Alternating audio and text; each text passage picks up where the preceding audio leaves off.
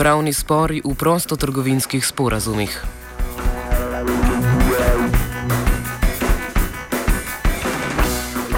Evropska komisija je objavila rezultate javnega posveta glede pravnega mehanizma ISDS, ki je trajalo med marcem in julijem lani. Mehanizem ureja spore med investitorji in državami znotraj prostotrgovinskega sporazuma med drž Združenimi državami Amerike in Evropsko unijo, bolj znanega pod kratico TTIP. Sicer je omenjeni mehanizem redna spremljevalna klauzula okoli 3000 trgovinskim sporazumom, ki trenutno veljajo v globalni ekonomiji. Namen tega pravnega orodja je, da omogoči investitorju, ponavadi je to mednarodna korporacija, da toži državo podpisnico za neenako obravnavano znotraj domačega trga na zunanjem sodišču, ki bi presegalo avtoriteto nacionalnega sodstva. O nevarnosti mehanizma več Andrej Gnezda iz društva Umanotera. Ključni očitki so tukaj, da, bo, da bi lahko korporacije tožile državo, ko bi ta sprejela neko novo zakonodajo. In recimo težava je, da se v preteklosti se je dogajalo, da je šlo za neko popolnoma legitimno zakonsko odločitev, kot je naprimer, vem, zakonodaja, za, ki je varovala javno zdravje ali pa okolje, pa so korporacije sprožile tožbe na teh mednarodnih arbitražnih sodiščih zopr te zakone. Skratka, gre za to, da mehanizem podeljuje korporacijam možnost, da izpodbijajo na nekih usporednih pravnih sistemih neke popolnoma legitimne zakonske odločitve države, ki so v interesu javnosti oziroma namenjene varovanju javnega interesa. In uh, teh primerov je vse več v zadnjih letih in postajajo vse bolj absurdni, zato, zato je nekako tu zelo velika bojazen oziroma nasprotovanje vključitvi tega mehanizma.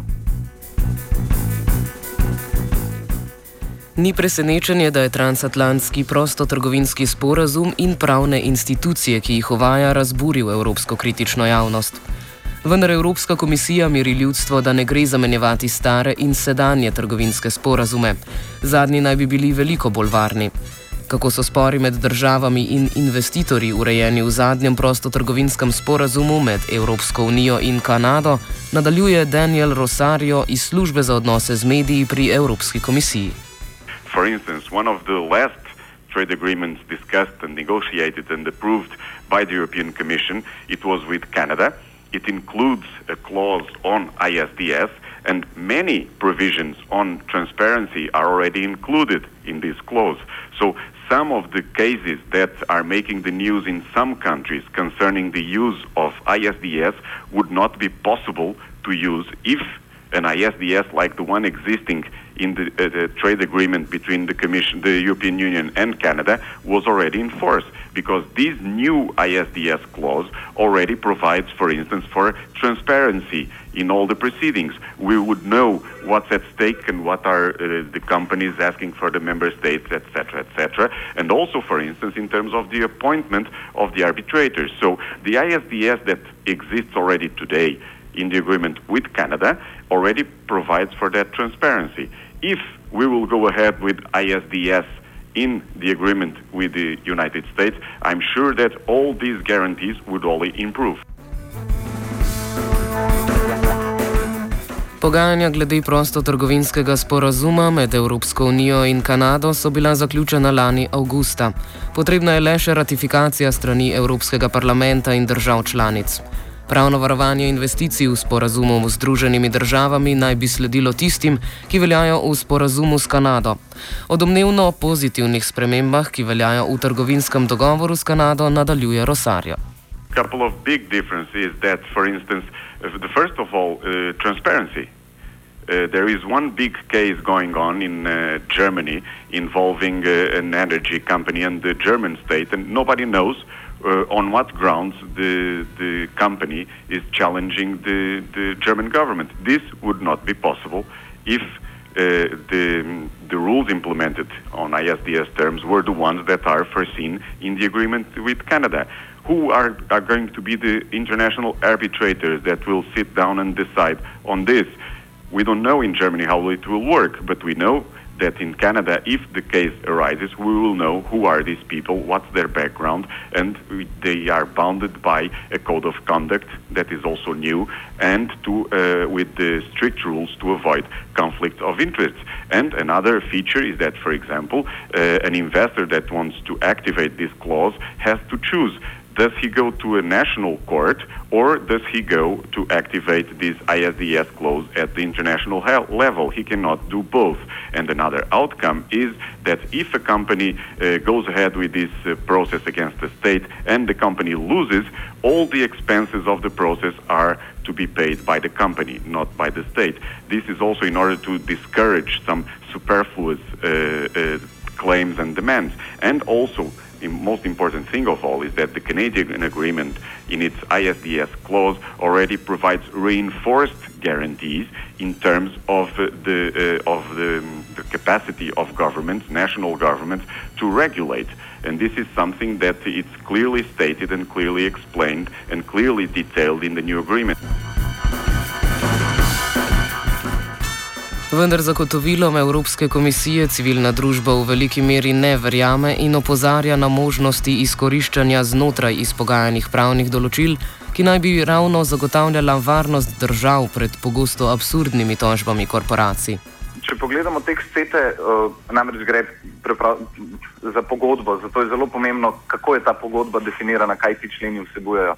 In poglavje CETE, ki, je, uh, ki, vse, ki govori o ISDS-u, je ta tekst še vedno presplošen in definicije niso dovolj zamejene, da bi pravno gledano omejile neke možnosti zlorab. Tu so uh, termini, kot so razlastitev ali pa pričakova, izguba pričakovanega dobička. Ti termini so še vedno preveč ohlapni in dopuščajo možnosti zlorab. Kako bo sedaj to urejeno v tem tipu, v tem trenutku, še ne vemo, sicer napovedujejo neke spremembe, ampak to bomo šele videli, ko bo tekst na voljo. Tekst CETE pa, tako kot je sedaj, omogoča te zlorabe in ni, uh, ne zagotavlja varnosti javnega interesa. Trenutno je pravno orodje varovanja investicij umaknjeno iz aktualnih pogajanj o transatlantskem prostotrgovinskem sporazumu, ravno zaradi širokega nasprotovanja javnosti. Kakšna bo nadaljna usoda dokumenta? the particular part of negotiating investor protection and ISDS in the TTIP was is suspended since March 2014. That's when the Commission concluded that due to the sensitiveness of this uh, uh, issue and due to the concerns that it was raising in the European uh, civil society in several countries, that it would make sense to launch this public consultation to try to get some feedback on uh, what ways to, to take from here on. And this is what uh, we concluded uh, last year, and this is what we announced uh, this week.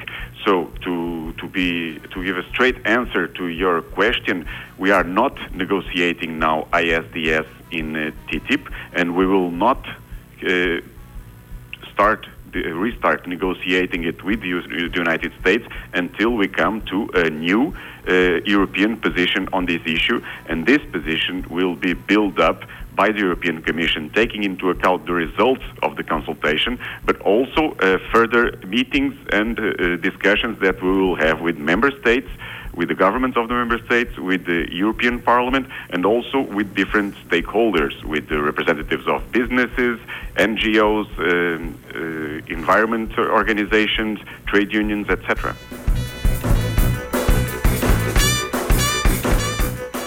Pravni spori med državo in investitorjem se rešujejo na zunanjem arbitražnem sodišču, ki ga sestavljajo trije člani.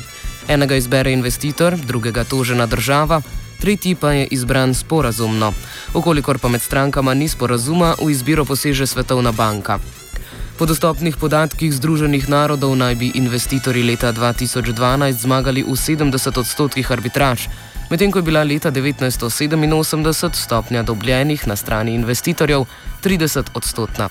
Ravno tako je zaskrbljujoč podatek, da so arbitražna sodišča od leta 1987 do leta 2000 povprečno obravnavala tri primere na leto.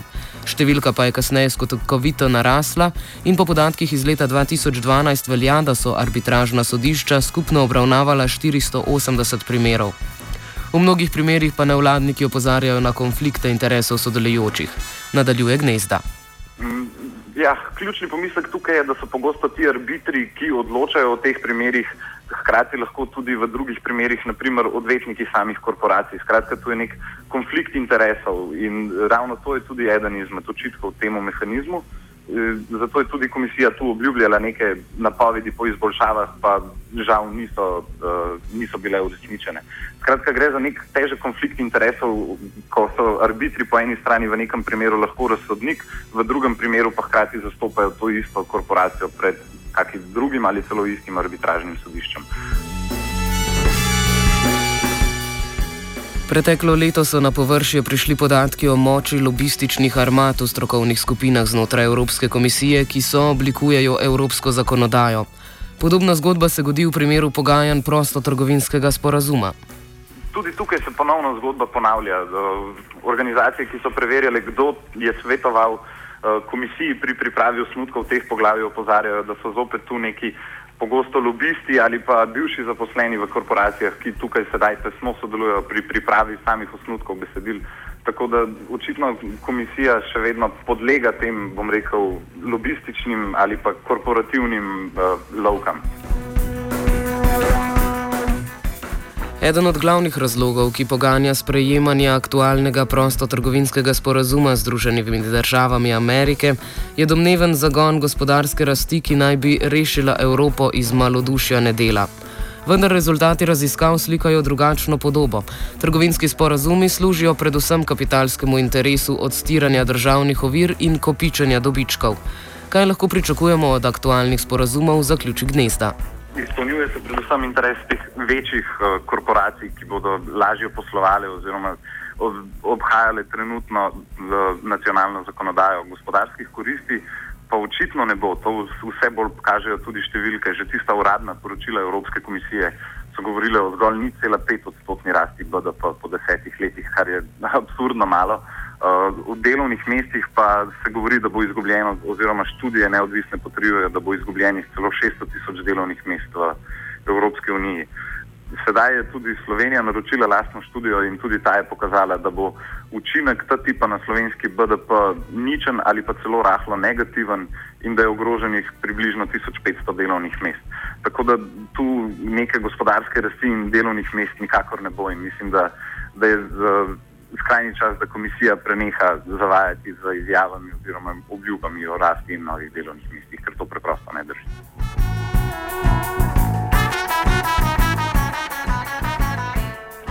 Offside je pripravil Jošt.